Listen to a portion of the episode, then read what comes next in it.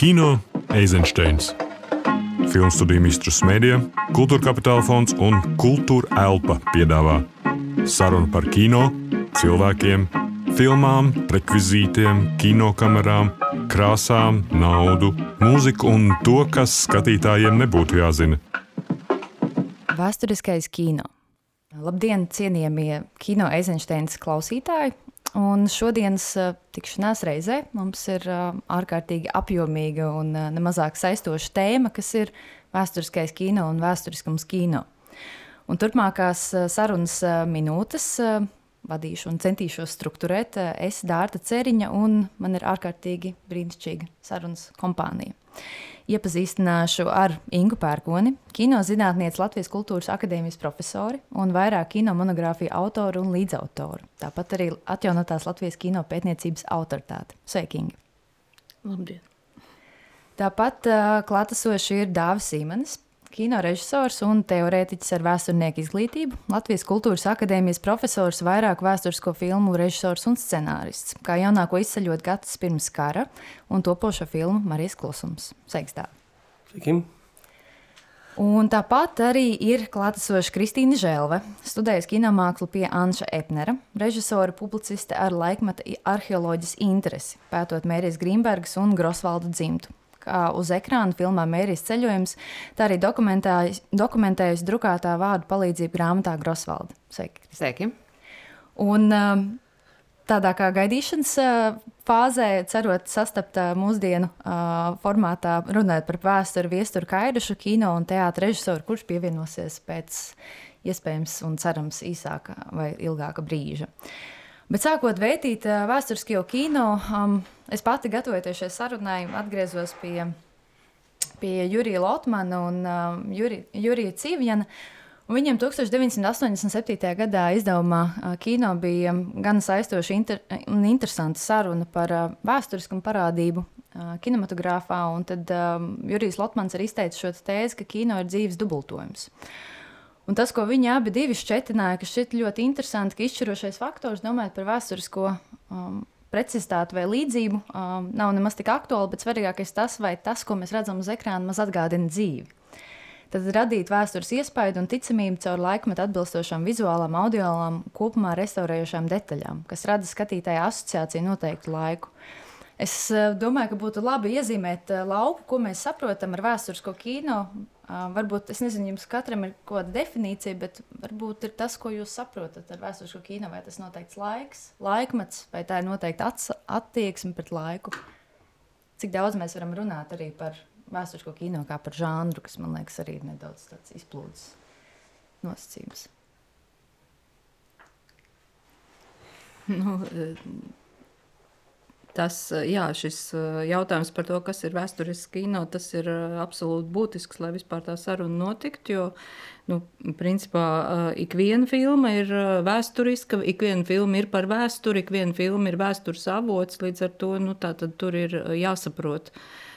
Ko mēs, ko mēs ar to domāsim? Nu, es šobrīd arī pārdomājot par uh, par kaut kādām pēdējā eh, laika periodā Latvijā uzņemtām eh, filmām es izdalīju tās, kurās ir, nu, principā mēs varam runāt par kādu atskatu, atskatu pagātnē, ja, tātad, un neatkarīgi no tā, vai tas ir tikai atskats pagātnē, vai arī šis atskats ir sasaistīts ar kaut kādām norisēm šobrīd. Ja, tā kā principā man liekas šis atskats pagātnē un tā izvērtējums ir diezgan būtisks vēsturiskai filmai filmai. Bet es Inga, pie reizes izmantošu arī iespēju pavaicāšu. Ļoti bieži arī tiek izmantots tāds vārdkopas formulējums vēsturiskais žanrs. Cik daudz mēs varam runāt jau par uh, vēstures vai atskatu parādību, jau kaut kādu kā žanrisku parādību? Nu, droši vien, ja, ja mēs atrodam kaut kādu vienu paņēmienu, kas ir absolūti visās šādās atskatu filmās, piemēram, atskatoties, mums ir jāpagriežās, un tā ir vienmēr vienāda kustība, bet no otras puses mēs varam paskatīties spogulī un tāpat redzēt, kas ir aizmugurē.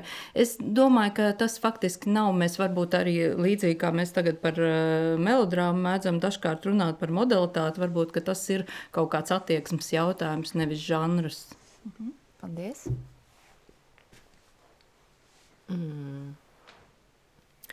Jā, jā, nē, nu, es tieši mm, strādājot ar vēsturiskām tēmām, īstenībā jāatzīst, es tagad tikai sēdēju un domāju, ka es pati nekad neesmu mēģinājusi formulēt, nu, kas tad ir vēsturiskais žanrs, un vai tas, ko es daru, ir vēsturiskais kino, vai tas ietilpst kaut kādā vēsturiskā žanra robežās. Un, un tagad arī to izdarīt man droši vien būtu neiespējami.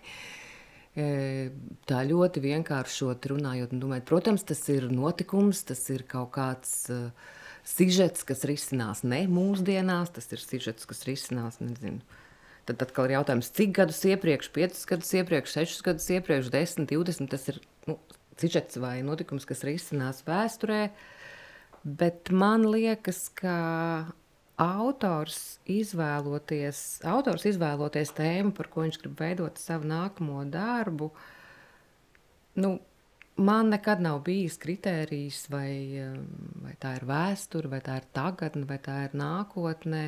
Tā vienmēr ir bijusi kaut kāda tēma, kas man kā autoram ir interesanta. Uh, Un no šāda skatu punkta, godīgi sakot, man ir pilnīgi vienalga, vai tā darbība risinās vēsturē, vai tā darbība risinās tagadnē, vai viņa risinās nākotnē uz kādas planētas.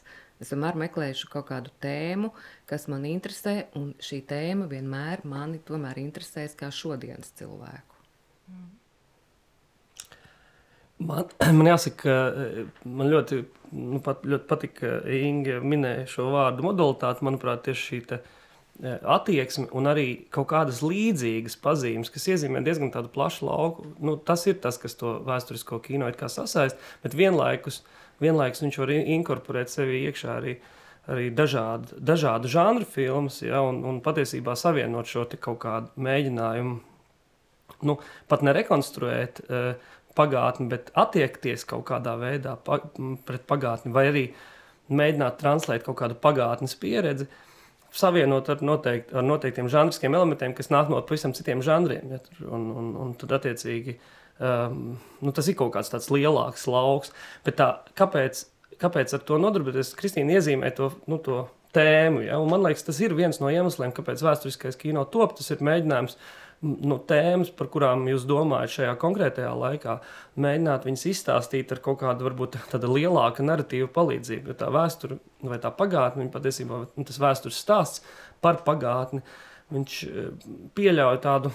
Nu, sāksim to par vispāriskošanu. Ja, kaut kāds tāds piepacelt kaut ko, kas, ir, nu, kas varbūt ir mm, savā tādā ikdienas vērojumā neliels, viņš pēkšņi tajā vēsturē iegūst kaut kādus daudz lielākus mērogus. Uh, Tas man liekas, kaut viens virziens.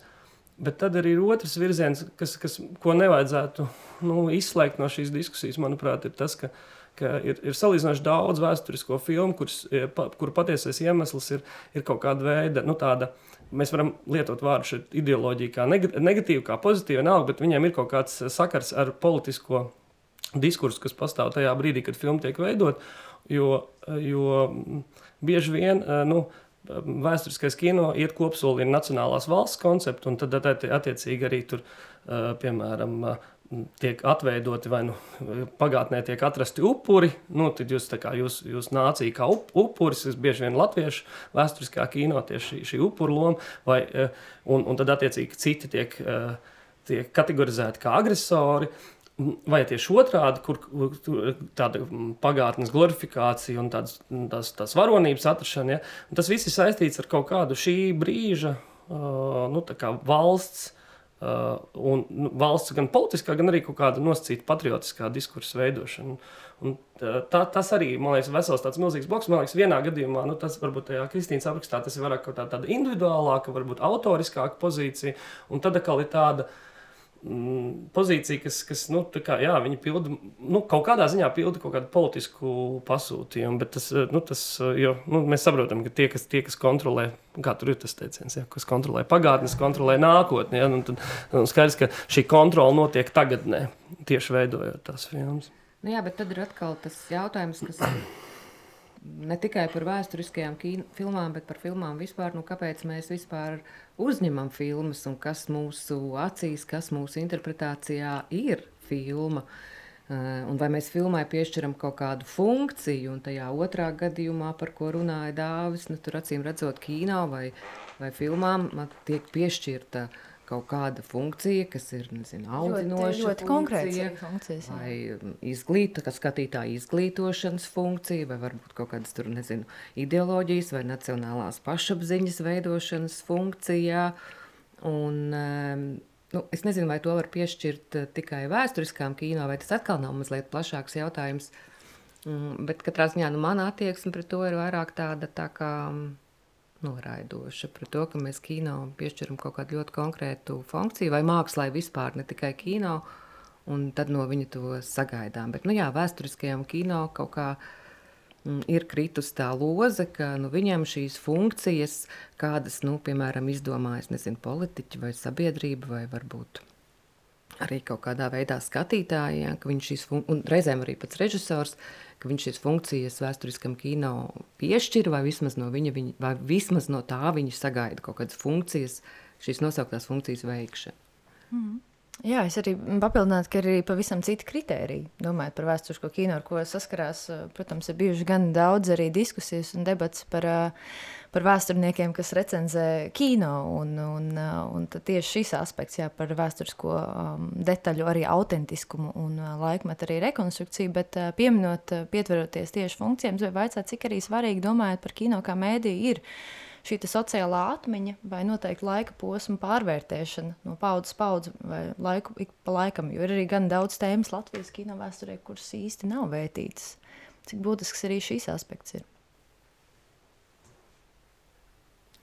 Nu, es varu pateikt, ka man tas ir ļoti būtisks.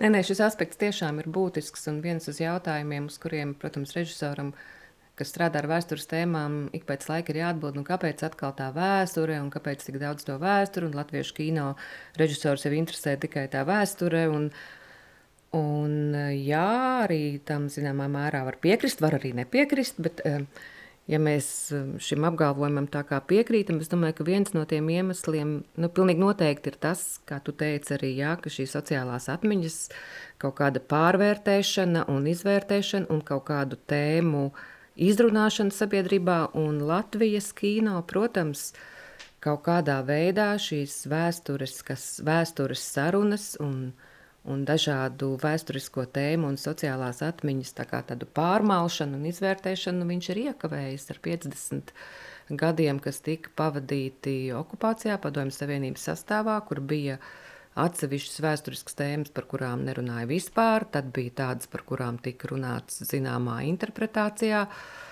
Uh, un tie 50 gadi, jā, nu viņi ir nokavēti, un tagad nāk atkal kaut kāda cita uh, režisoru paudze, kuri mm, jā, grib šīs tēmas vēlreiz izrunāt, izvērtīt. Un, protams, ka ir arī pilnīgi jaunas tēmas, kaut kāds skatiens eh, atkal jau no šodienas cilvēka uz kaut kādu vēsturisku parādību. Tā kā Latvijas kino vēsturiskam žanram, vēsturiskām filmām, es domāju, pat ir tāda dubultā slodze, ņemot vērā šos 50 gadus, kad es uzskatu, tāds kino bija savā ziņā pat izkritis. Mm. Inga Dāvi. Ne, nu, es varu teikt, nu, skats, ka ir, ir vajadzīgi, nu, ka kino ir dažādas funkcijas, un, un arī jā, nu, šī sociālā atmiņa ir ļoti svarīga. Man šķiet, ka mums ir ārkārtīgi daudz uh, visādu interesantu stāstu, kas vienkārši ir būtiski šodienai. Nu, tur arī man tiešām arī liekas, pat tas nav tik, tik svarīgi. Tur, nu, tas gads, kurā uh, kas notiek, bet, bet uh, lai tas lai pārdzīvojums ir tagad. Jā, un, un, un tāpēc, nu, arī daudz, daudz lietas ir, ir skaidrs, ka viņas ir jāapjēdz no jauna un caur tādu, nu, tiešām caur tādu pārdzīvojumu, caur analīzi, un, un nu, to, to principā varētu izdarīt, jā.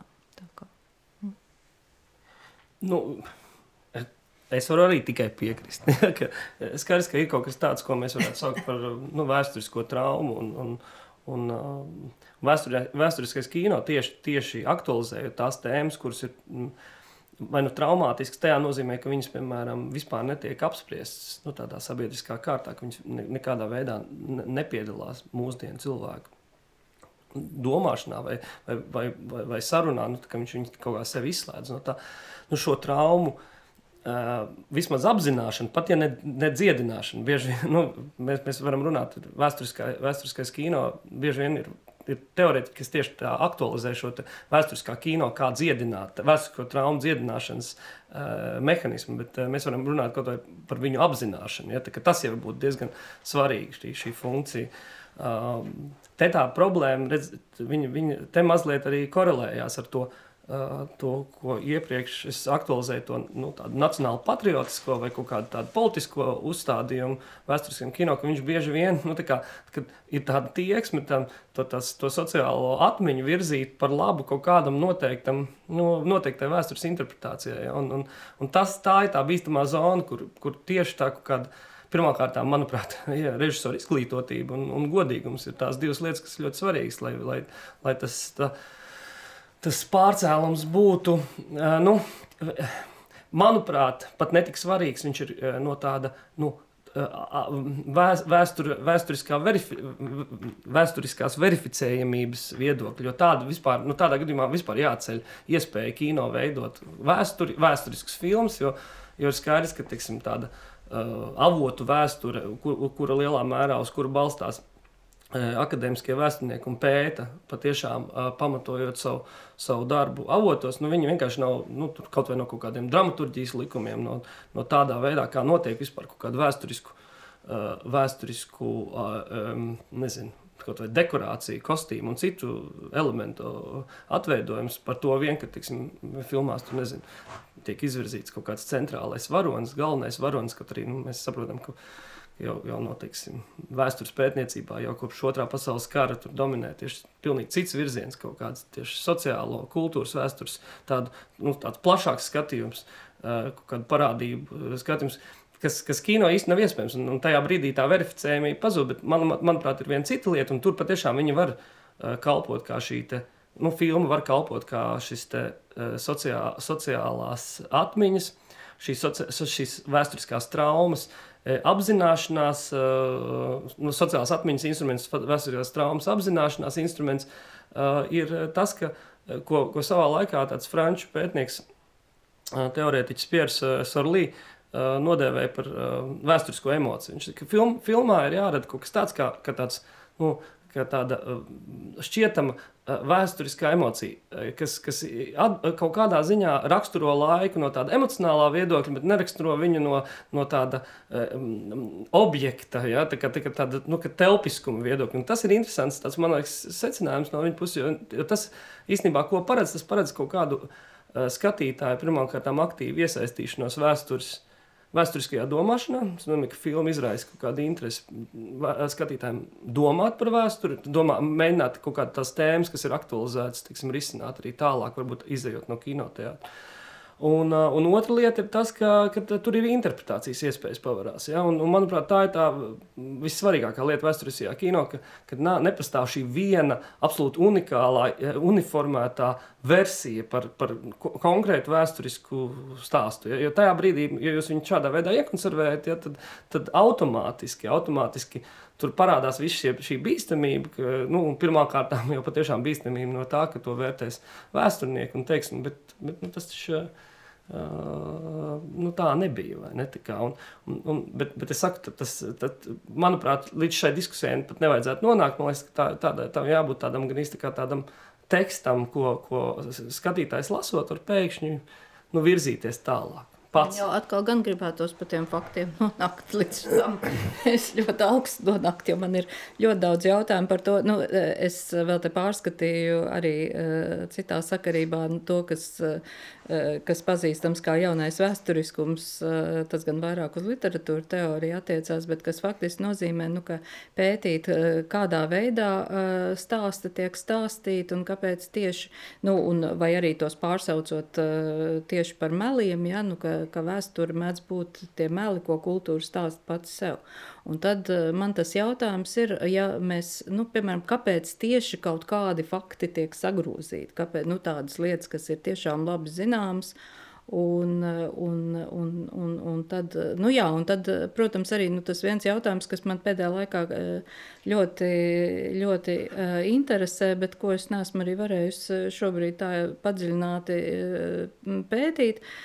Bet nu, tātad šajās diskusijās vienmēr tā atbilde ir no māksliniekiem, ka jūs nevarat prasīt šos faktus, neva, nevajag prasīt, lai ir šī viena uh, akadēmiski pamatotā vēsture, bet uh, ka tā ir māksla, tas ir kaut kas cits, tā ir sava dramaturģija.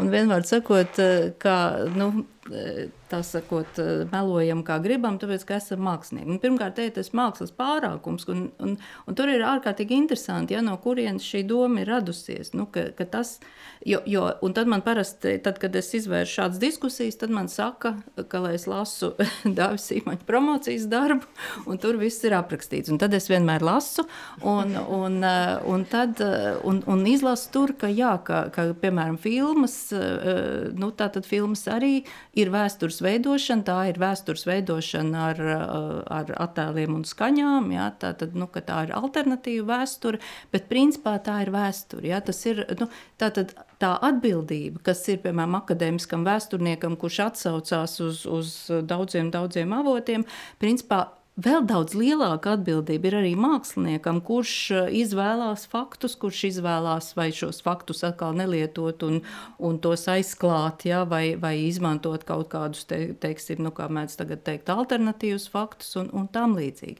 Un zinot, nu, tas, ko Dāvis arī ir rakstījis, un kas, ko, ko arī, nu, tāpat jau arī katrs zina, ka, ka filmu ietekme ja, uz cilvēku priekšstatiem par to, kāda tad ir bijusi pagātne, kādas ir norises bijušas, ja, ka tā ir nesalīdzināmāk lielāka nekā akadēmiskā vēsture. Un tāpēc ir ārkārtīgi interesanti. Es tiešām skatos arī, nu, kā, kāpēc, ja, kā, kāpēc ir kaut kādas lietas, kas, kas pēkšņi, nu, kas ir, kas ir skaidrs zināms, ka ir, ir kaut kāds nu, viens fakts, ja, bet, nu, piemēram, tagad es atvainos, tas, bet tas nejauši ir, bet tas ir viens no tādiem satraucošiem pārstatiem Emīlija arī uh, Kristīnas tieši Ziemeļnieks, ja nomira redakcija. Nē, Ziemeļnieks, nē. Man, man, piemēram, interesē, kāpēc Vils Lācis, kāpēc Zvejnieka dēls ir viņa pirmais romāns.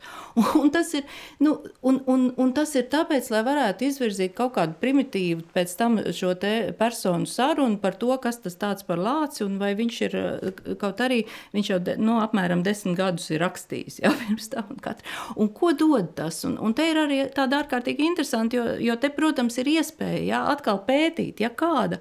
Jo skaidrs, ka tā ir varas pozīcija, ja, ka mākslinieks uzņemās tātad piedāvāt citu versiju, un tas jautājums ir, kāpēc viņš to dara. Jo, Nu, tas visbiežāk tā, tā ir māksla un dramaturgijas prasības. Kādas te ir? Es nezinu. Kāpēc Tarantino nogalina Hitleru? Pilnīgi noteikti. Ja? Tas ir Tarantino dramaturgija noteikti labāk par to īsto jā, norisi, mm. kāda ir bijusi. Man nu, nu, noteikti, jā. Uh, un, un tāpat, teiksim, par to 68. gadu. Kāds šeit ir? Nu, kā, Un, un, un tādu lietu, tādu lietu ir ļoti, ļoti daudz. Tad ir tas jautājums, kāpēc? Ja? Kāpēc konkrētā e, brīdī? Un, un, un tad man teiksim, nu, tā atbilde, domājot par Latvijas kino, bet ne tikai, ka viena, viena tāda ļoti būtiska lieta, kas ļauj arī varbūt tātad, nu, e, par šādiem te faktiem vispār ne, nepiesieties, ka tomēr ir ārkārtīgi svarīgi, kādā, e, kādā stilistikā filma ir veidot.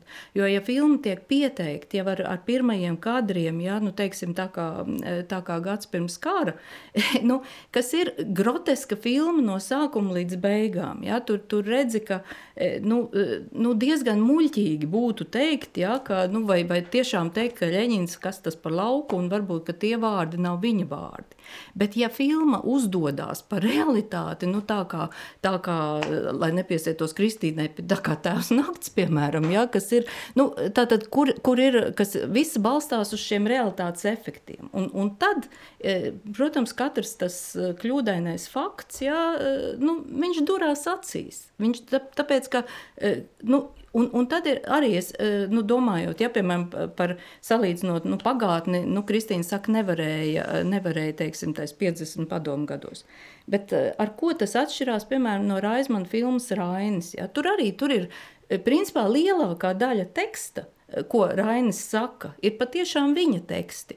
Samainīts ir tas, kurā brīdī viņš ko saka, kāds ir tas konteksts. Ja?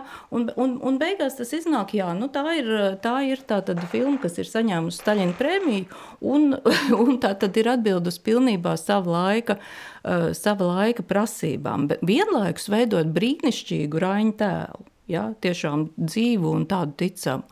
Un, un, un tas ir arī ārkārtīgi interesanti. Man liekas, tā ir tāda būtiska lieta, par ko uh, māksliniekam ir jādomā. Ja patiešām es esmu pārāks par, par uh, visiem citiem un arī par tiem akadēmiskiem vēsturniekiem, tad kāpēc? Ja? Kāpēc es šos faktus, un vienmēr sakot, es arī nenoliedzu, ja, ka, ka, ka to vajag. Ja?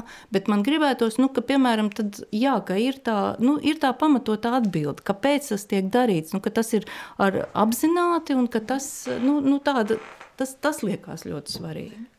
Ja, nu, man, nu, tā, tā, manuprāt, uh, Ingūns tas teiktais uzrāda protams, šo te, uh, problēmu uh, vienlaikus, bet vienlaikus arī, protams, nu, padara kaut kādā ziņā nu, to vēsturiskā kino, nu, tad padara to vēsturisko kino kā kaut ko neiespējamu. Jo, jo ir skaidrs, ka, uh, ka kino pat tajās, tajos gadījumos. Uh, nu, kad uh, viņš teiksim, nu, maksimāli, vēsturiskais kino, kurš maksimāli cenšas teiksim, izpildīt uh, kaut kādu šo, to, šo akadēmiskās vēstures verificējamības, standartus. Viņš vienalga, nu, kā ir kaut kādas tās nobīdes, kuras pat kaut kādos gadījumos, es, es pat teiktu, ka viņas nav. Uh, nu, visu iespējams nav iespējams atreflektēt, vai visu nav iespējams pamanīt. Vai, nu, ir dažādi argumenti, kāpēc. Kā var, var, teiksim, ir vieni tie varētu būt tie, kas ir tie varas argumenti par mākslu, uh, kā mākslinieku, nu, kas kā nos, no, noņem nu, to atbildību, teikt, nu jā, mākslinieks viņš tiksim, kā, kā grib tā izvēlās, un, un, un, un, un viņam ir visas tiesības to darīt. Bet, ja piemēram arī šo argumentu noņem, tad es domāju, ka diezgan daudz citu uh, iemesli, kāpēc kaut, kādi, kaut kādas kļūdas, potenciālas kļūdas, jebkurā filmā parādās. Uh, Un, un, un, un, un tad ir pat dažreiz tas jautājums, ka, ka iespējams viņas pat asāk ir izjūtams tajās filmās, kurās tas salīdzinoši tas vēsturiskums varbūt pat ir klātsošs. Nu, kā, nu, nosacīt, ka tā, tā vēstures um, pētniecības klātbūtne ir. Uh, Nevis tajās, kurās, piemēram, nu, kurās ir nevēsturisks jau pašā saknē, un tad, attiecīgi, nu, vienkārši nav vērts vairs viņās vispār iedziļināties, jo viņi ir skaidrs, ka tas nevēsturiskums ir tāds galējs. Manuprāt, eh, Manuprāt, vienīgais risinājums ir pārtraukt taisīt vēsturiskas filmas. Bet no otras puses, mēs paši runājam, ka tām filmām tomēr potenciāli kaut kāda uh, funkcija varētu būt. Ja? Viņām varētu būt arī tā pozitīvā funkcija, ne tikai šī kaut kāda, nu, tiksim, uh, sabiedrības ietekmēšanas kaut kādu, kaut kādu noteiktu varas modeļu iekšienē. Jā, kā, visticamākais, ka viņiem ir arī šī, šī vēsturisko filmu, jā, kā, kā, kas tika pieminēts, tur sociāla atmiņa, traumas. Iespējams, kaut kāda problemātika, par kuru mūsdienu kontekstā ir grūtāk runāt nekā runāt par to uh, nu, tādā pagātnes kontekstā. Um, Tas viss ir. Es domāju, tas ir. Bet, manuprāt, eh, būtu mazliet. Nu, bieži vien šī diskusija, nu, un esmu vairāk kārtīgi nonācis eh, Jā, situācijā, nu, kur man par to ir jādiskutē. Ir regulāri. Eh, ka, un, un, un tā viena no nu, tām problēmām, ko es arī šeit nu, mēģinot, varbūt attaisnot arī kino veidotājs, ir tas, ka ka pati jau akadēmiskā vēsture nav līdz galam precīza. Nu, tā, nav jau tā, ka tā ir kaut kāda absolūti galēji eksakta, tā, tā ir humanitāra. Jā, es absolūti arī nedomāju, tā vispār ir zinātne. Vēsture jau eh, gan latviski, gan arī citās valodās ir tas stāsts, stāsts ir nu iekšā. Nu, tas ir vienkārši, mēs jau, es domāju, to mēs varam vienoties, ka tie vienkārši ir alternatīvi izstāstīti stāsti. Ir jautājums tā tad, jā, uz ko jūs atsaucaties un ko jūs ar to gribat pateikt. Un man liekas, ka tas ir ļoti būtiski. Nē, nu, man liekas, te ir ļoti daudz, nevis ļoti daudz, bet vismaz vairākas tēmas. Un jau nokļūstot, un es, protams, ik pēc laika nokļūstu šādās sarunās, kur man jautā, nu, kāpēc tas bija tā, un tas taču dzīvē bija savādāk, un kāpēc viņš pateica tur, un vispār, nu, tā kā ir jāatskaitās par šo faktu autentiskumu vai uh, vai pareizību, vai atbilstību vēstures kaut kādiem pētījumiem, vai citreiz pat kāda cilvēka ir bijis nu, cilvēka iedomām, ka Lūk, Emīlija Beņemīna bija pilnīgi savādāk, un tagad jūs man pierādiet, labi, bet tā ir atkal cita saruna. Tad šajās sarunās man vienmēr gribas mazliet tiešām atkāpties kaut kādu soli sāņus, un tad pirms sākt šo garo diskusiju, nu tiešām noskaidrot to, kas ir māksla un kas ir kino. Uh, un eh, nu, runāt par to no kino un no mākslas pozīcijām. Un, eh, nu, to jau Anšlaus Eglīts arī teica, ka dzīves patiesības nav mākslas patiesības, bet, nu, labi, bet arī tev, Inga, bija tas teikums, ka kino, eh, kas uzdodas par realitāti, Nu, tur jau ir tā lieta, ka kino nav realitāte. Un it kā nu, tas ir tas, manuprāt, minimālais, kas kino skatītājiem būtu jāsaprot, ka tā nav realitāte. Tas ir mākslas darbs, tā ir nosacīta realitāte, ko ir veidojis autors, mākslinieks. Protams, ka ir reizes, kā tu pieminēji arī Tarantino, kad es ceru, ka šim skatītājam ir ļoti skaidrs, nu, ka tā nav dzīve, tas ir kino. Lai gan atkal, ja mēs atlicam atpakaļ kaut kur vēl senāk vēsturē, piemēram, Pie tā paša Orsona Velsa, kas radioteātrī iestudēja pasaules kārus, un pēc šī iestudējuma sāk zvanīt cilvēki un prasīt, kur viņiem tagad slēpties un ko darīt, ka Zemē ir uzplukuši citplanētieši. Nu, nu, tie ir skatītāji, kas nespēja nošķirt šo mākslas realitāti no dzīves realitātes. Un īsti nu, mākslinieks par to nevar uzņemties atbildību. Nu, Nē, tas ir tā kā lietoju, tas pamats. Es nelietoju, ka māksla izliekas par realitāti, es teicu par realitātes efektu. Tas nozīmē, ka tiek ņemti realitātei līdzīgi kaut kādi nu, teiksim, paņēmieni. Jā, jā, tā jau ir visas tā, mākslas būtība. Nu, vienkārši ir jāsaprot, ir, tā, tā, to man ir, pastāstīt, nu... kāda ir mākslas būtība. Tas ne, tā, tā ir, ne, nu... Kāpēc jāsaprot, tas ir skatītājiem, pasaki man arī. Nu kā, ja tu ej uz kino, nu tad ir tā kā tas tā izējas pozīcija ir, ka tas būs viena autora, vai tu paņem romānu, kas nav akadēmisks pētījums, tad to ir radījis autors. Un tā ir viņa radīta pasaule ar viņa spēles noteikumiem. Jā, mēs varam runāt, pilnīgi piekrīt par to, cik viņš ir precīzi šo spēles noteikumus realizējis, cik uh, spilgti mākslinieciski, tā, tā, tā, tā, bet tie ir viņa radīti spēles noteikumi. Un tas ir realitātes attēls, tā nav realitāte. Un varētu jau, protams, nu arī par to tavu piemēru, ko tu teici par Viļa Lāča romānu. Nu, par katru īstenībā nu, es varētu skaidrot, kāpēc tika pieņemts šāds lēmums, tur, kas Ziemeļnieks mirst redakcijā, vai šis dialogs ir tieši tāds. Jā, tas, teiksim, varbūt kritiķi vai tavs viedoklis, ka šis dialogs bija tur tizls un kaut kāds, bet uh, radot šo te ekrāna realitāti, tas, kāpēc autori pieņēma šādu lēmumu, nu, Vili Lāci radīja Emīliju Benjamiņu. Viņš nebija tur kaut kāds autors pirms tam, kas jau tur varbūt ir rakstījis un kaut kur publicējies. Tādēļ tika pieņemts eh, šāds risinājums tajā ainai, un tāds bija viņu autora mūsu publicējis. Viņš jau nu gan bija. Jā, jā, nu viņš bija publicējis, bet Vili Lāci kā autoru nu, radīja nu, Emīliju Benjamiņu, un uh, nu tā arī tas tālāk tiek risināts. Nu, ne, neradīja Emīliju Benjamiņu, viņam bija trīs vispār jā, bet viņš pirms tam nebija. To, viņš bija interesants. Bet tas nozīmē, ka mēs atzīstam, tāpēc, nu, ja kādu tagad uh, publicē privātā dzīve, tad viņš kļūst par vērtību, un, un ja nē, ja viņš ir tikai šajā filmas kontekstā, tad, jā. Uh, tad nu, viņš nav autors. Nu, nu, tas nav, nu, tas... Pirms tam bija statorija. Nē, viņš bija sociāldemokrāts. Tam bija, sociāldemokrātā. Jā, un tas sociāldemokrāts 20. gados, tas ir ļoti, tā sociāldemokrātija vispār bija ļoti nozīmīga to brīdi parādīt parādība. Un tas nu, laupa mums vispār pret to, kā pret tādu attiekties. Saprot, tur jau ir tā lieta, ka, ka šādas izvēles viņas ved tas, kas mums tik ļoti trūkst, manuprāt, ja, tas, ka mums nav šīs attīstītās sociāldemokrātijas vispār. Tā, tas jau ir, nu, saprot, tas veidojās tādā, tādās ķēdītēs, ja mēs pēkšņi, nu, nu kā tā piecsavu pilsēta, putnu bez spārniem, ja, tas, tās visas, tie, tie, tie bija lieli romāni, kas, kas ļoti nopietni. Es pastāstīju pastāstīšu vēl vienu gadījumu. Man liekas, ka mums ir diskusija aizgājusi. Nu, jā, bet ir arī kaut kāda dramaturģijas veidošanas principi. Tu nevari izstāstīt visu. Es nekad nu, nevarēšu izstāstīt tos, kas interesē katru skatītāju. Ja būtu ielikts par putniem bez spārniem, būtu atkal kāds skatītājs, kam pietrūkst tas un tas. Vienkārši ir jāpieņem fakts, ka Nē, ir filmu ir radījis autors. Redakcijā un Benjamīna nezina, kas tas par cilvēku. Jā, ir jāpieņem. Nē, nē, ir jāpieņem. Nevis šis fakts ir jāpieņem, bet ir jāpieņem fakts, jā. ka filmu ir radījis autors vai autora kolektīvs, kuri ir izdarījuši kaut kādas izvēles. Un tad, nu, protams, jā, par viņām absolūti. mēs varam spriest. Nu, bet tāpat, ja arī tiktu izdarīta kaut kāda šāda izvēle, tad būtu vēl pieci cilvēki, kuriem liktos, ka nav pareizi tas, nav, bet tur taču vajadzēja par to, un kāpēc nav parādīts tas. Nu, autors nevar apkalpot bet, visu. Tas jau arī ir kolektīvs. Tad es vairs neteikšu neko.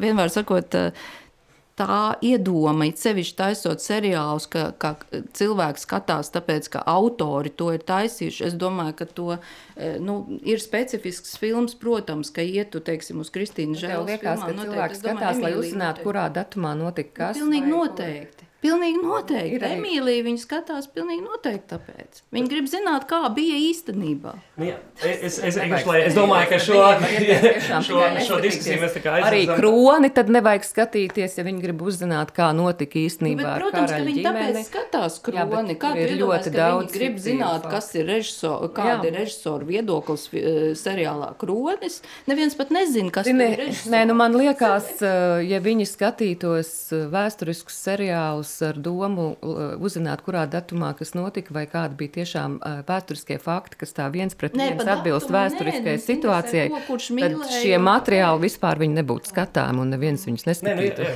Nu, ši- šis, manuprāt, ir ļoti svarīga lieta. Jo, nu, es, piemēram, es varu minēt vienu ļoti konkrētu piemēru arī Latvijas kino. Tiksim, uh, un filmu Bermudiāda, kur ir ļoti pret, tieši, nu, kurā, kurā ir tieši ļoti precīza rekonstrukcija attiecībā uz vis, visām uh, kaujām, kauju uh, gaitu uh, Bermudu uzbrukumu laikā.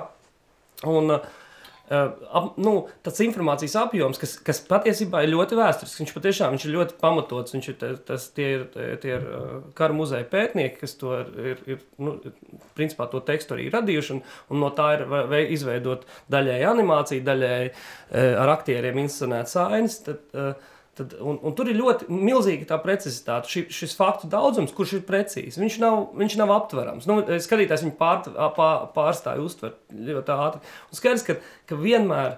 Nu, Nu, es, es vienkārši nestādos priekšā to, to, tā, nu, šo savā ziņā apusēji, manuprāt, ā, nu, šeit izskanējušos viedokļus, viņus- viņi, viņi, nu, tādu risinājumu, kur, kurā būtu skaidrs, nu, ka, ka uh, var būt galēji kaut kāds viena veida teksts vai otra veida teksts, un tā kā galēji māksliniek- māksliniecisks teksts, kurš ne, vispār ignorē jebkādus vēstures stāsta, no vēstures akadēmiskā stāsta nosacījums, un vai atkal tāds uh, absolūti galējs skrupulos, kurš, kurš tieši precīzi nu, tā kā rekonstruē šo akadēmisku.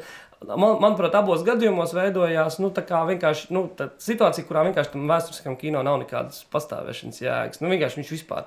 Bet, manuprāt, ārpus tā uh, viņam ir jēga. Pat, pat tad, ja, ja, pat, pat ja tā jēga slēptos tajā, ka kāds skatās tās filmas, lai atrastu šos, šīs nu, kaut kāda veida nu, ne, nepareizības vai, vai, vai kļūdas vēsturiskā. Vienalga, man, manuprāt, tā, tā ir. ir, ir, ir nu, kino vispār, kā, kā, kā nu, tad, tad mēs, mums, mums diezgan, mēs ejam diezgan sarežģītā un, un patiesībā varbūt ne šīs dienas tēmā, nu, tā kā vispār par šī brīža kino pastāvēšanas jēgu. Nē, nē, man Kopumā, tiešām ja, kā, kur, manuprāt, ir, atsaukt atmiņā. Es vienkārši domāju par visām pēdējo gadu vēsturiskām filmām. Nu, Neviena filma nenodarbojas ar to, ka rekonstruē faktus, rekonstruē vēsturiskus notikumus. Ja vien tā nav filma, kā tiešām arī nu, Bermutāda vai, vai kādreiz bija tāds žanrs, populārs zinātniskās filmas vai mācību filmas, kurām ir uzdevums. Bet Tieši šāds Es varu varbūt eh, papildināt, jo bija tas padoms par to, ka vienmēr ir jāplasa dāvana promocijas darbs, un uh, es arī palasīju. Un, uh, tas ir tas, ko arī Inga arī runāja, ka tā izpratne jau par vēsturi vai par pagātni rodas un tieši caur kino mēdīju piekāpjoties tieši akadēmiskiem arī narratīviem. Un tieši tur, caur šo kino pieejamību, arī rodas ideja par to, kas ir noteikts personības vai kaut kāda laika posma, par to, ka tas ir kaut kāds ļoti privileģēts diskurss, kur līdz ar to vienkārši ir lielāka atbildība, un tad no otras puses ir šis autoru kolektīvs vai autoru redzējums, kur arī, ko Dāvis arī minēja, ir, jā, viņus ir grūti samierināt. Nu, Man ir īstenībā man, li- man viena tāda tā ir teorija, kas ir tapusi pēc, pēc promocijas darbu uzrakstīšanas. Man vien- viena no lietām, kas man, manuprāt ir interesanti, tā, ka nu, vēstures pētniecība patiešām vi- viņai tādas ļoti radikālas izmaiņas vēstures pētniecībā bija, bija saistīts ar šo lingvistisko pagriezienu pēc otrā pasaules kara. Tad, ja kaut kāda pilnīgi jaunas valodas meklēšana, pa, fokusu uh, novirzīšanu uz kaut kādām plašākām sociālām parādībām, mēģinājums izdarīt kaut kādus tādus nu, plašākus secinājumus par, par, par tiem, piemēram, sabiedrības slāņiem, par kuriem iepriekš vispār netika runāts, netika, uh, tā vispār kļuva par sabiedrības vēsturi. Uh, Tā pēkšņi arī sāk ai- aizskart dažādu veidu minoritārās grupas sabiedrību. Nu, tā, tādā ziņā viņi, viņi pēkšņi veidojās kāda tāds plurāls skatījums uz vēsturi tā tika aizmirsta. Tā iepriekš, nu, tā kā mēģināja mazliet izvairīties no tās iepriekšējās tradīcijas, kas bija, pamatā bija tā, tā saucamā karu un karaļu vēsture. Kino tieši otrādi. Nu, kino tieši to pa, paņēma sev. Kino ir karu un karaļu vēsture. Nu, tādā ziņā, ka vēsture kino pat tad, kad varbūt stāsta par uh, individuāliem stāstiem, uh, nu, iespējams, kaut kādiem anonīmiem personāžiem. Vēsturē viņi vienalga visu laiku ņem šo kaut kādu ļoti plašo kontekstu, kurā, kurā vēsturiskā situācijā viņi ir ievietot. Un, un tas man liekas interesanti, ka kaut kādā ziņā uh, nu, kā kino, kā kuram, kuram bija ļoti aktīva attīstību, var pat teikt, ļoti ātri, kā mākslā, jau nu, kā, principā, gadsimta laikā, ja, nu, te, gan tehnoloģiski, gan, gan no tāda narratīva viedokļa. Ļoti ātri attīstoties, ka viņi vienlaikus tajā vēsturiskā kontekstā kaut kādā retrogrādiski tomēr paliek. Kā, tur, nu, no tā, nezinu, tāpēc, tas ir kaut kas tāds, kas tev, tam, tam nu, lasītājam, tam skatītājam. Ja? Nu, tāpat tās kā tas roma, vēsturiskais romāns, kurš arī vienmēr tiek ievietots kaut kādos tādos turbulentos vēsturiskos periodos, tā arī tas, tas, tā arī tā, tā, tā, tas kino turpat. Jā. Es domāju, ka mēs varam pievērsties arī, pievienojies arī viesurs Kairis, bet es vēlos uzdot jums visiem arī jautājumu, turpinot arī to faktiski, ko, ko Dāvis arī minēja par šo te retrogrādisko skatījumu un par to, ko vēsturiskais kino no šodienas pozīcijiem piedāvā, kas man liekas arī ļoti īpatnēji, ir tas, ka pirms pāris dienām noslēdzās Rīgas starptautiskais kinofestivāls, kurā filmatrāžu spēlfilmu, uh, senais filmatrāžu filmu konkursā galveno balvu ieguva vēsturiskais kino, īslandiešu filma Dievzeme. Uh, Mēs arī raugoties uz to, kas ir skatītākās vai pelnošākās filmas Latvijā, domājam tiešām par vietējo kino. Tad, piemēram, pagā, no pagājušā gada ir jāizceļ arī gads pirms kara, kas arī ir novērtēta arī profesionāli kontekstā. Tad vēl gadu iepriekš ir Emīlija Preses karaliene, un tad arī, protams, arī viesturfilma pilsēta pie upes. Šo visu arī zinot un domājot vienlaikus par lokālo un arī tādu Eiropas un arī starptautisko kino, kas ir šie varbūt varoņi, tipāži vai kaut kādas žanriskās iezīmes, kas parādās tieši vēsturiskā kino kopumā šobrīd. Ir kaut kādi noteikti skatu punkti, izējas punkti. Vienu brīdi, piemēram, bija šie te, um, jaunie bērni vai bērni, kuri tiek iesvā, iesvaidīti arī kara šausmās, um, vai, vai jauniešu pieaugšanas stāsts savā ziņā arī janvāris arī pietvers šim. Kas ir varbūt jūsu vienkārši personīgi novērojumi? Lai viesturs. Viesturē, nu, jā, viņam ir laiks beidzot pēdējās 15 minūtes. Viņš kaut kas ir. Kaut kas ar kaklu. Forši joku pateicis, man liekas, man bija kaut kas ar kaklu. Covid. Nē, nē, nav, nav Covid. Es nezinu, es, ceņ, nu, es ļoti atvainojos. Es nevarēju no sākuma, redzot, diskusija sākās no viena jauka vārda, tad turpinājās ar otru un trešo, un tad radās kaut kāds konteksts. Es, es to ļoti nepārzinu. Es nekad neesmu domājis par vēsturisko filmu kontekstu. Nekad neesmu domājis, kādiem var, vajadzētu būt varoņiem. Un, Manuprāt, eh, kino ir svarīgs ar to, ka vai tev tas interesē, ko tu dari vai nē. Nu, man liekas, tas ir eh, attiecās uz jebkuru žanru kino. Ja tev interesē komēdija, tad eh, tev nevajag taisīt vēsturiskas filmas un tam līdzīgi. Mm, manuprāt, priekš manis personīgi tas ir vienīgi, tu, vienīgi tas noved pie, pie meklējuma. Nu, skaidrs, ka es vēst, par vēsturi ļoti interesējos, man vēsturi patīk lasīt. Un jāsaka, ja mēs runājam par kino skatīšanos, Ja, tad es gribētu atgādināt, ir vēsturisku grāmatu lasīšana. Un šeit arī ir ļoti daudz diskursu un tam līdzīgi. Un, Kāda, un ir ļoti milzīga atšķirība, kādas vēsturiskās grāmatas mēs šobrīd lasām. Tās ir, nu, man liekas, savādākas, kādas bija kaut kāda. Es, es, un es piekam nedomāju pie ideoloģisko, bet tieši attieksmi pret vēsturi un kaut kādu pētījumu dziļumu un, un kaut kādu arī dimensiju. Un es kino vēsturiski sāku tikai taisīt tikai tāpēc, ka es meklēju to mērogu. Un es ļoti negribētu taisīt vēsturiskas filmas, ja atrastu pietiekoši mērogu darbus mūsdienu e, tajā situācijā, nu, mūsdienu drāmā. Un tā kā nu, grūti atrast to mērogu mūžīgajās attiecībās starp viņu, viņu un vēl kādu viņu, un nezinu, vēl kaut kādu sociālu problēmu. Tad, e, protams, tu kaut kā automātiski meklējot tos antīgos sižetus, un e, skaidrs, ka sižeti ir tie lielie sižeti, viņi nekur nav mainījušies, viņi, viņos ir kaut kāda tāda dimensija, nu tad eh, tu neizbēgām nonāc pie vēstures, kas ir ļoti sarežģīta, pretrunīga. skaista un nāvējoša vienlaicīgi. Un, un tu, tad tu kaut kā sāc nolikt, ah, re, kur ir, nu, tad mēģināšu to nodarboties. Nu, protams, mūsu vēsturiskais konteksts jau arī, protams, neatbrīvo no saspringuma. Nu, tādā ziņā, ka vienmēr ir ko teikt par šo jautājumu.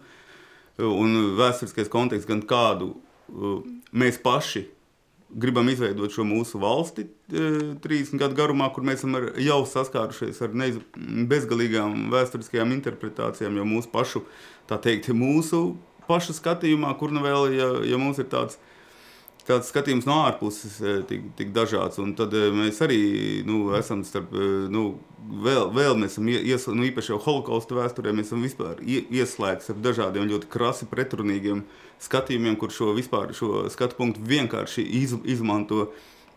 Kā padomju savienība to vienkārši bija izmantojis kā vienkārši mega propagandas ieroci, un vienlaicīgi no otras puses tā ir tāda ne, ne, nepieskarama tēma. Nu, tas ir tik ļoti sarežģīti, un mēs esam tajā vidū.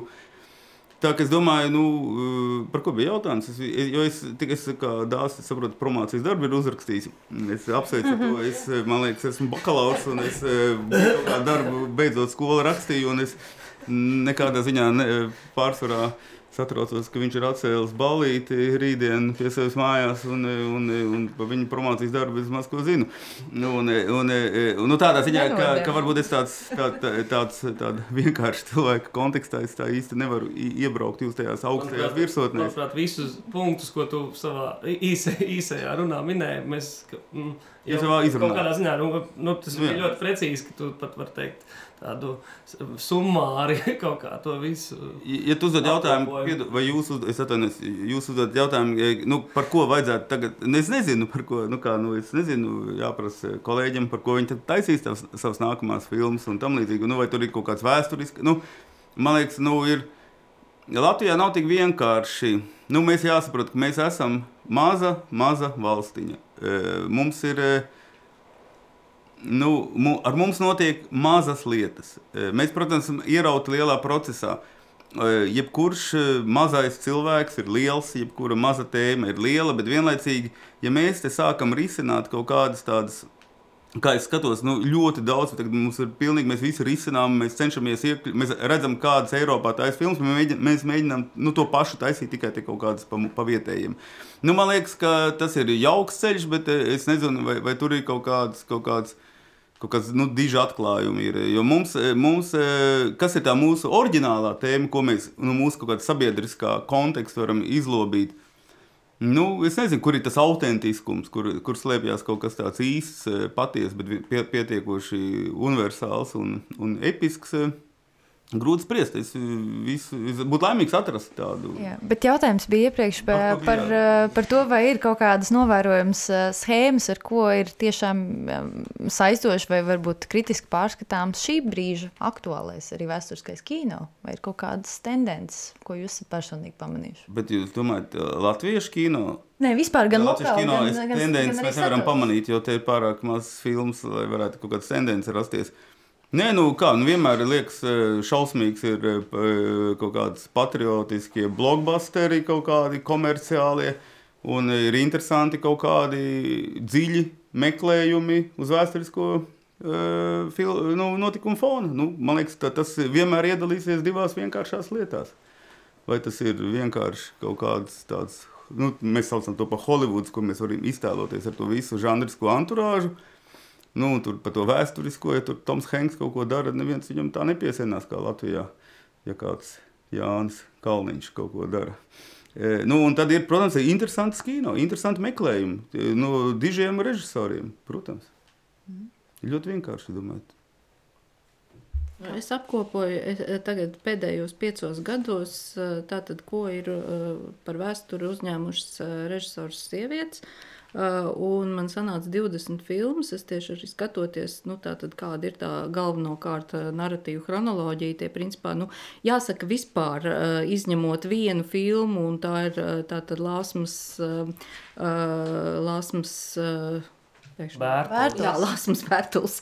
Uh, filma par Stenderu. Uh, visas pārējās filmas ir par 20. gadsimtu. Principā tagad mēs varam redzēt, ka arvien vairāk sāk dominēt 70. un 80. gadi, arī 60. gadi kļūst ļoti tādi būtiski. 40. gadi arī kā tāds atskata periods, faktiski tas 20. gadsimts.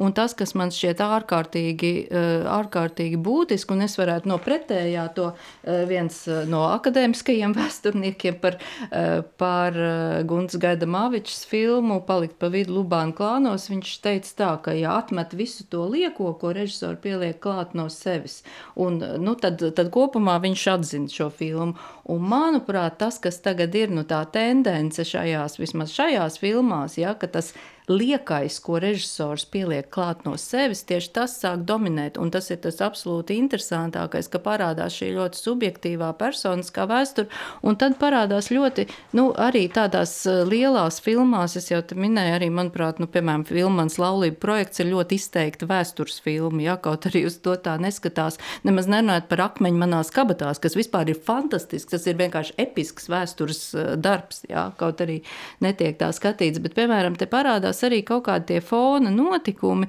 kas vispār nav, um, nu, mākslā viņi nav skatīti, ja, vai viņi vispār ir aizmirsti, ja, un, un, un tāds, nu, uh, tas, man liekas, ir ārkārtīgi būtiski, ka parādās šī cilvēku vēsture, ja, un, un, un, un tas tur tiešām var, var arī, principā, ļoti interesanti savalkās kopā arī, nu, es, es nezinu, piemēram, arī tas, nu, uh, tiešām Kristīnas uh, filmā Mērijas ceļojums, kur no vienas puses, ja, nu, kāda tur maza valsts ir sieviete, kas izved Eiropai kara skartai Eiropai cauri 11 vagonus ar mākslas darbiem turp un atpakaļ.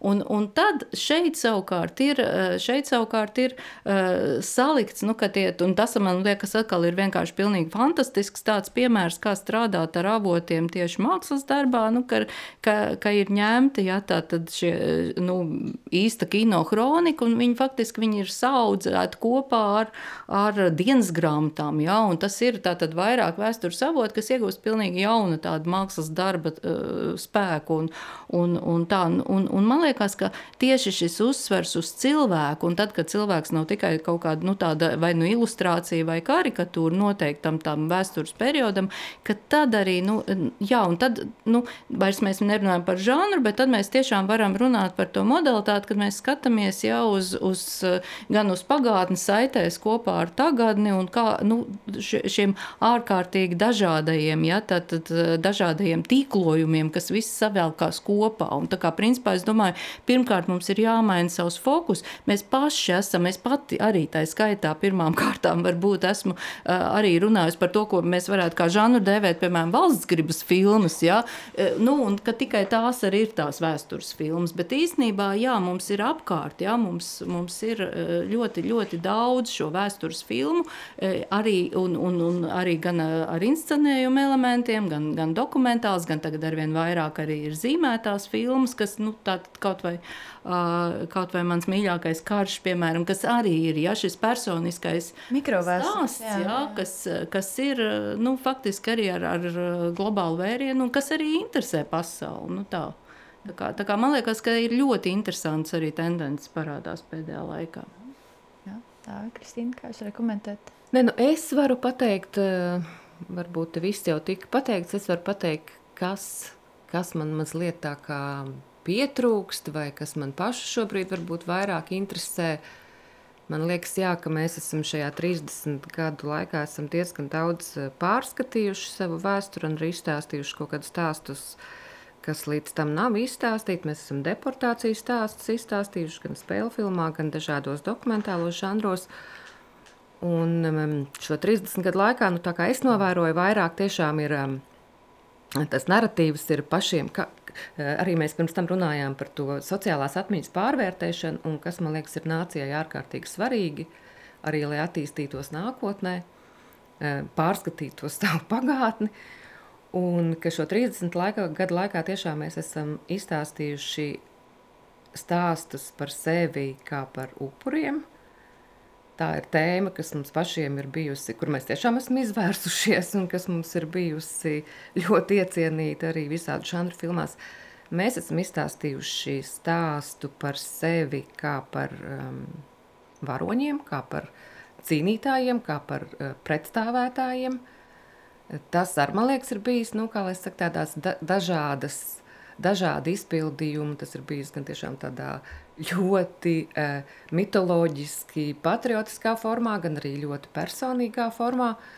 Bet tas, kas man tā kā pietrūkst, kā pārvērtējot pagātni un īpaši šo padomju, Inga teica, ka atgriežamies 70. gados, un tur mēs atkal joprojām stāstam, kā mūs apspieda um, padomju sistēma, padomju režīms, cik ļoti mēs tikām traumēti no tā, kas, protams, ir patiesība. Bet tēma, par ko mēs negribam vēl joprojām runāt, ir tēma par to, kā mēs sadarbojāmies, par to, kā mēs kolaborējām, par to, kā mēs nodevām. Un šī ir ļoti, manuprāt, nepatīkama, bet ļoti svarīga tēma, kuru mums būtu laiks arī mūsu vēsturiskajās filmās tomēr izrunāt. Nu, labrīt, es uztaisīju pilsētu pie upes. Manuprāt, šī tēma bija viena no dominējošajām. Nu, tikai tās komentārs. Es sadarbību visiem iespējamiem okupācijas mazo cilvēku. Nu, kā, jā. Tā ir skaitā ar, par sadarbību holokaustā. Nē, nu labi, jā, nu, paldies tev. Upurēt. Jā, Upur tev bija tur, jā, jā. Nē, nu kā, nu kur tu tur pagaid pilsētā? Nē, nu, ja tu, upura nebija. Nu, tad tu domā, ka šī tēma, tā teikt, ir izrunāta. Nē, nu tu vienkārši izdarījis visu, tu esi izstāstījis par deportācijām, tu esi izstāstījis par sadarbību. tu teici, ka tāda tēma nav cilāta. Es domāju, ka tev, mēs izvairāmies, jā. Nu, nu, es zinu, kā mēs izvairāmies. Mēs izvairāmies arī, nu, protams, ka mēs izvairāmies. Nu, es jau redzu ar kādām grūtībām tāda tēma runāšana sastopās Latvijas sabiedrībā. Mēs izvairāmies tāpēc, ka mēs to paslaukam zem tepiķa pēc Tomasa Bernhārda principa. Bet man jau liekas, ka nevar teikt, ka mēs to neesam nu, darījuši. Man jau liekas, tieši tas, ir, tas ir laika, nu, tas ir laika jautājums. Nu, ir, ir skaidrs, ka, ka, ka nu, nomainoties paudzēm, jebkura tēma īstenībā viņi gaida to. Man pat dažreiz ir, ir interesanti tas, ka, nu, kā, kā cilvēki reaģē tiksim, uz kaut kādām.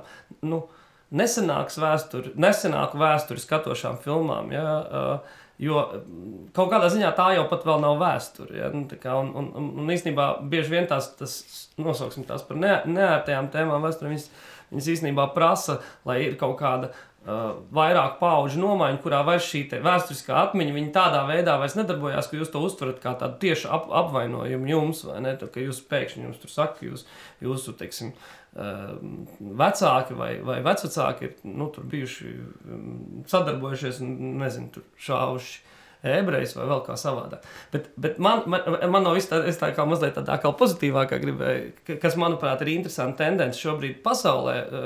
Uh, un Eiropas kino, un arī pasaules kino. Tāda, viņi, viņi tā kā lēnām, lēnām attīstās, bet manuprāt, viņi, tur ir patiešām labs materiāls. Um, Vēsturiskais kino, nu, tādā, manuprāt, tādā, ar tādu patiesu iedziļināšanos, nu, tā kā vēsturiskajos sižetos, skata divus, divus periodus. 20. gadsimtu un 19. gadsimtu, 19. gadsimtu tādā industriālas revolūcijas kontekstā, 20. gadsimtu attiecīgi visu šo lielo kataklizmu, katastrofu kontekstā.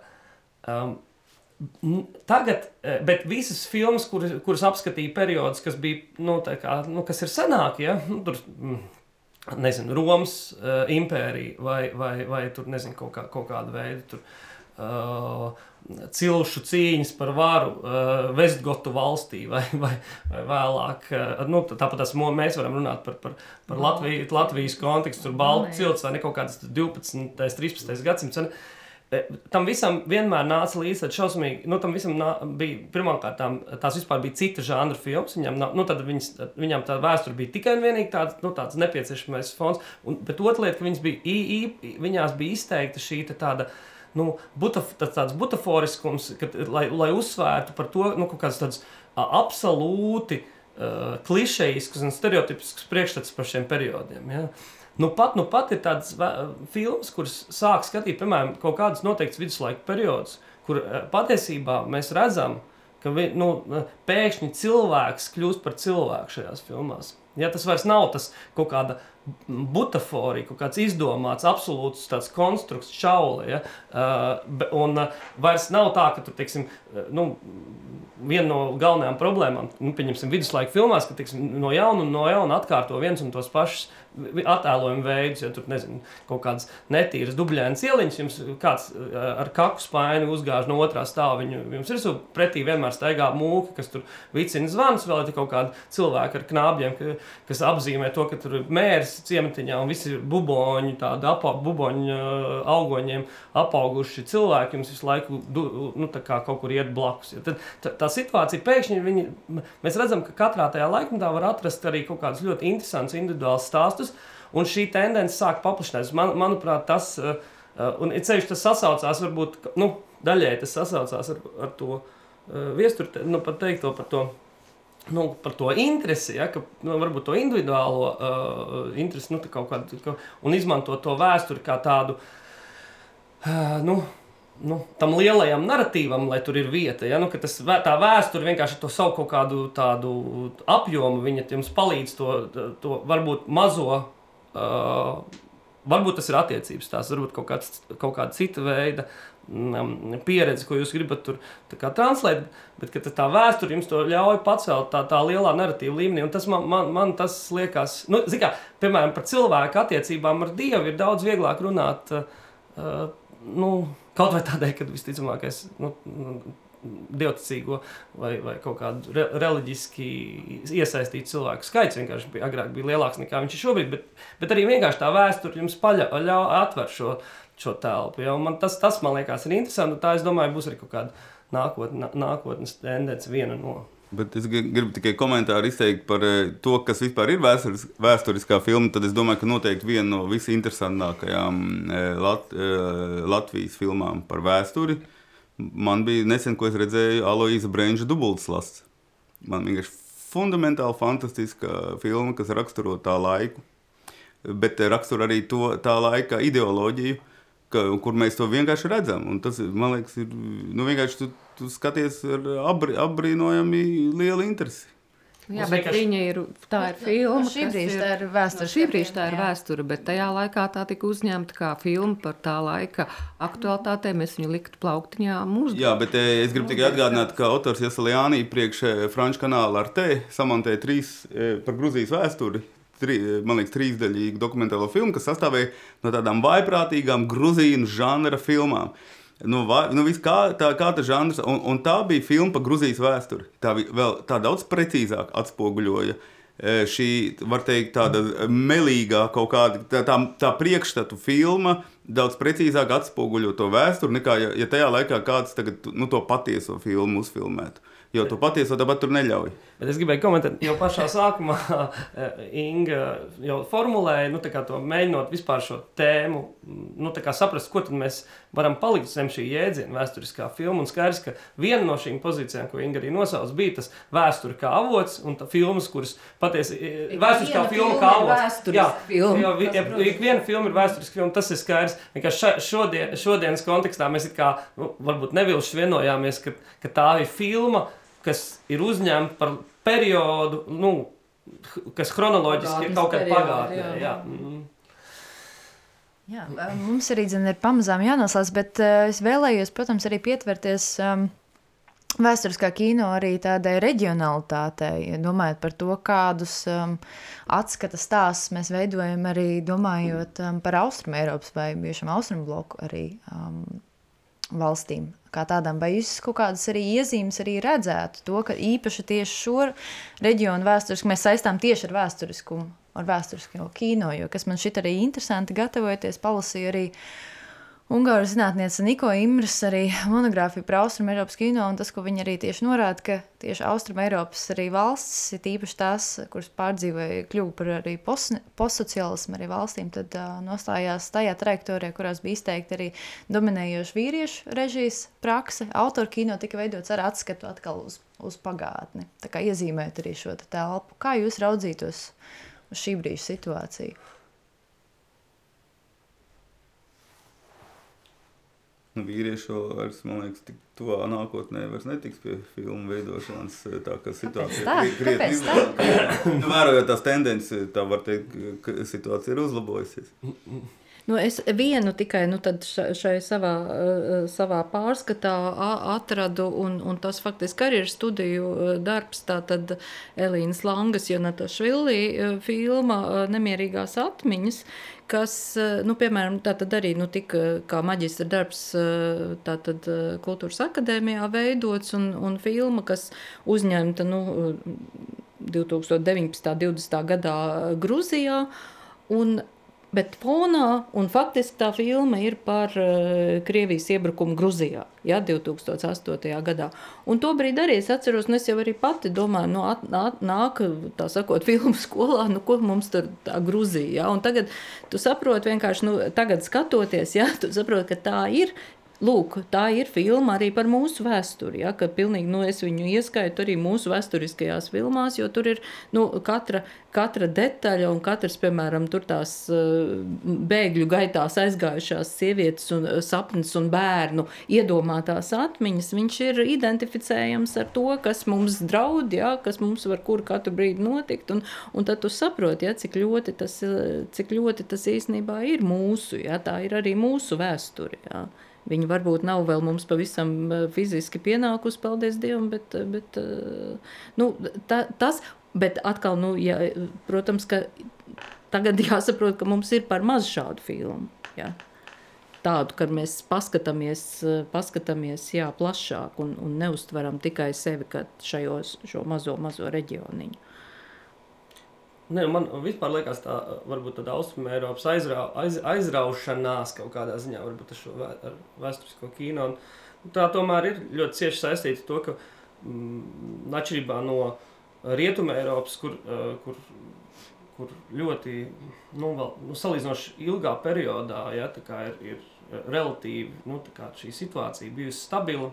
Um, Uh, un, uh, un, un cilvēkiem bieži vien tas nozīmē, ka, nu, ka viņi atrodas kaut kādā tādā ļoti atsevišķā stāvoklī pret, pret kaut kādām problēmām, ar ko ir saskārušies, nu, vai kaut kādu nu, tiesim, neseno vēsturisko atmiņu, ar ko ir saskārušies tur austrumēropieši. Tur kaut vai, kaut vai padomju savienības sabrukums, ja, un, un, un, un arī kaut kādā ziņā nu, par nožēlu ir jāsacina arī bieži vien par, par, par ļoti reālām. Uh, reālām lietām, reālām mm, traģēdijām, kas notiek šobrīd, nu, piemēram, kara Ukrainā.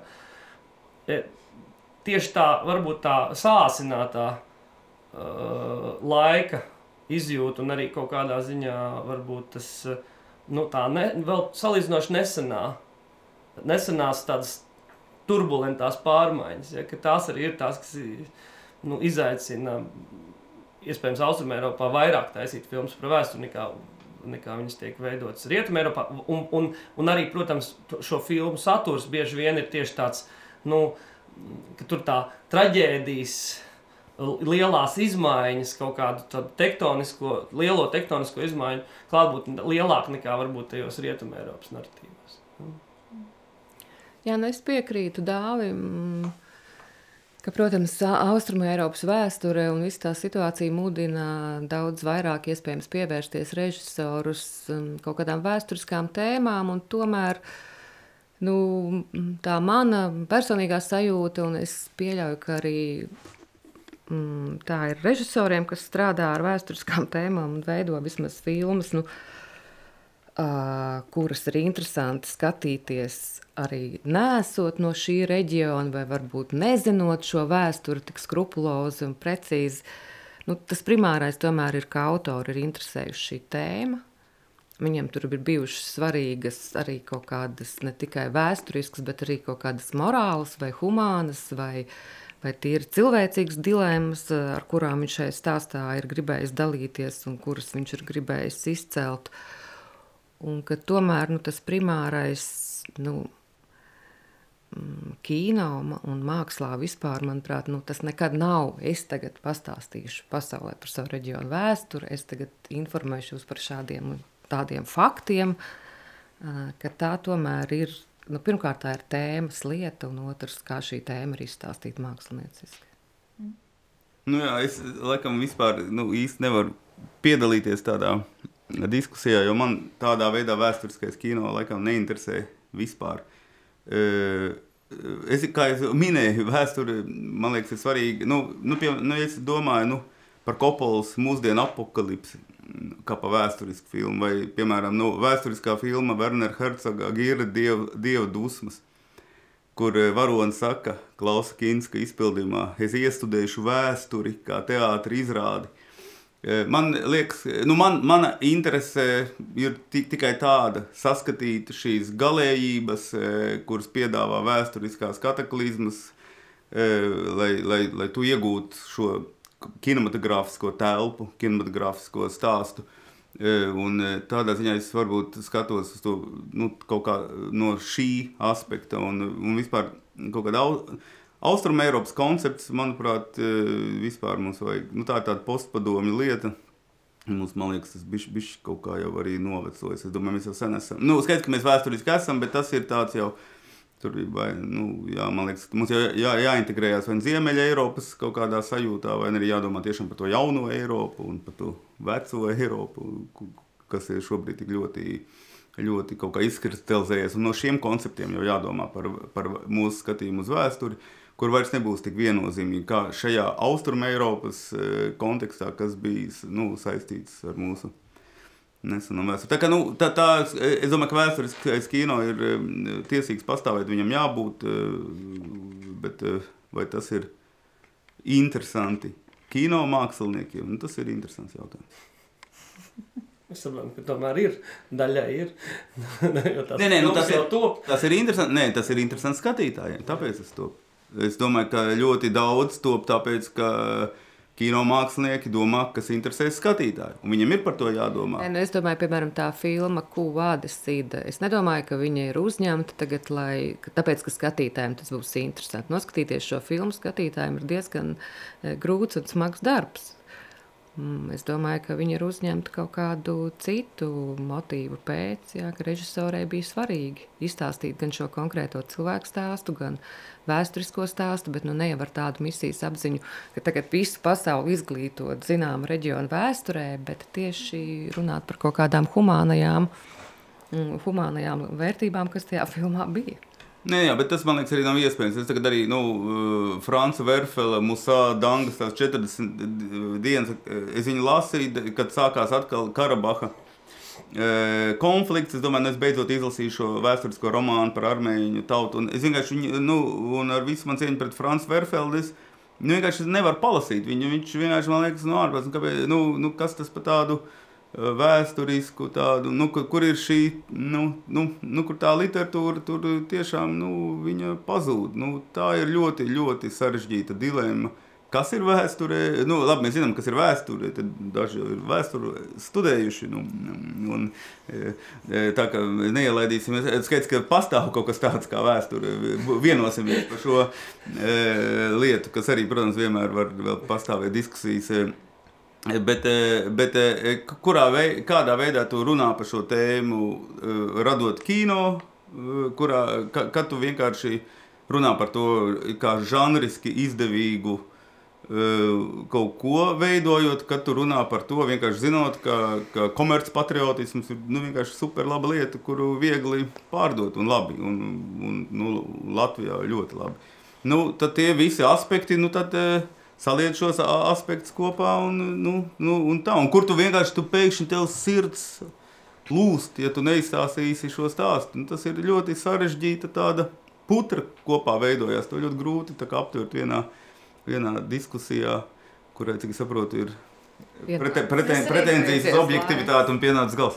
Nē, mums ir arī patiešām, nu, ne gluži gals pienācis, bet mums vienkārši šī vēsturiskā saruna ir jānoslēdz. Mums ir tiešām par daudz ko runāt, pat daudzām tēmām arī nepieskārāmies, bet pateikšu paldies Kristīnai Želvai par klātbūtni Dāvim Sīmenim, jā, Viesturam Kairišam un Ingai Pērkonai. Paldies! Paldies!